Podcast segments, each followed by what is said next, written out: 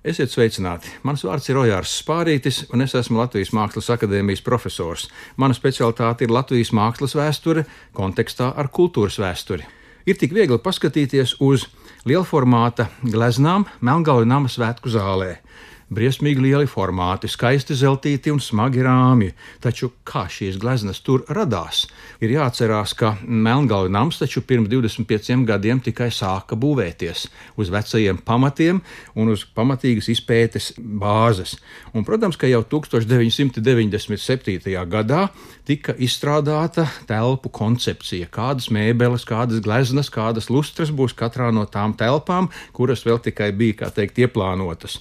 Un, protams, ka tā bija mūsu kopēji pieņemta koncepcija uzņēmumā Rīgas nami, kurš cēla Melngalvu namu ka svētku zāle atspoguļos ne jau visu vēsturi, kāda Latvijā ir bijusi uzkrājusies no 17. gadsimta un no 18. gadsimta, kad Rīgu bija ieņēmuši Romanovas dinastijas cari un valdīja šeit līdz Pirmajam pasaules karam, bet tā būs tāda duālā koncepcija. Pie rietumu sienas, orientējoties teikt, uz rietumiem, atradīsies Zviedrijas karaļi, jo ar Zviedrijas karaļu portretiem sākās šo lielo izmēra formāta portretu dāvinājums Melngalvi nama reprezentācijai prezentācijas zālē.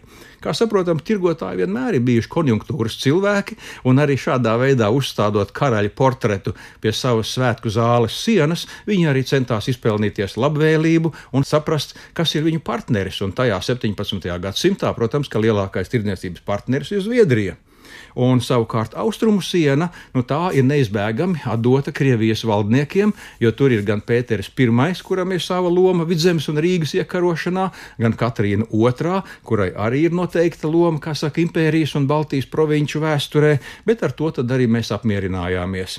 Un tādējādi svētku zāle ir šo divu pretpolu, rietumu un austrumu orientācijas spogulis. Tieši tāpat kā arī Baltija ir orientējusies kādreiz uz rietumiem, kādreiz bijusi spiesta pārorientēties uz austrumiem. Un tad nu bija jautājums.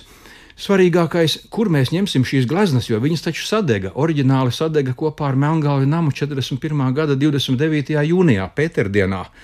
Un ar Mākslas akadēmijas profesoru Andriu Začestu, kuru mēs izvēlējāmies konkursa kārtā kā restaurācijas speciālistu, kā lielisku mākslas darbu kopēšanas speciālistu. Braucām uz Zviedriju. Braucām uz Zviedriju, kur mēs pa karaļu pilīm, kur tāda iespēja bija sagādāta, atrasties vienā, otrā, trešā pilī un skatīties, vai neatradīsim šo gleznu prototipus, jo vienmēr galma gleznotāji šādas īpašas gleznas radīja vairākos eksemplāros.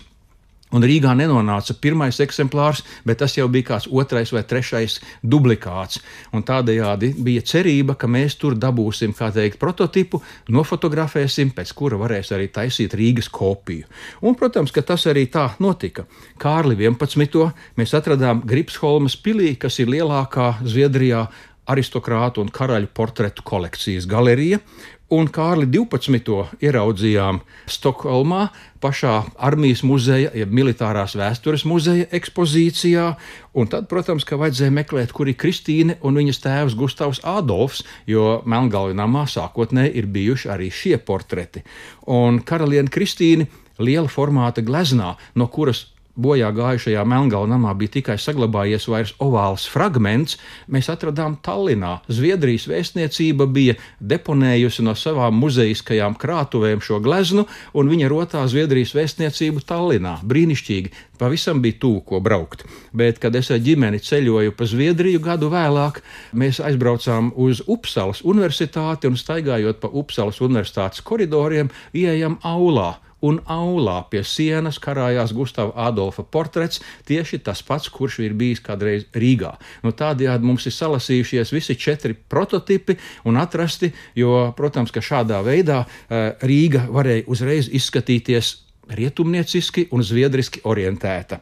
Kas notika? Andris Začests, kā gleznotājs, uz diviem gadiem iejūdzās brīnišķīgā un smagā darbā, jo tie ir milzīgi kvadrātmetri. Viena glezna pa vertikāli ir apmēram 2,5 metri, horizontāli tie ir 2 metri. Tātad tas viss ir, kā saka, autentiski, precīzi, triepienu pa triepienam skatoties digitālajā fotografijā jāuzglezno.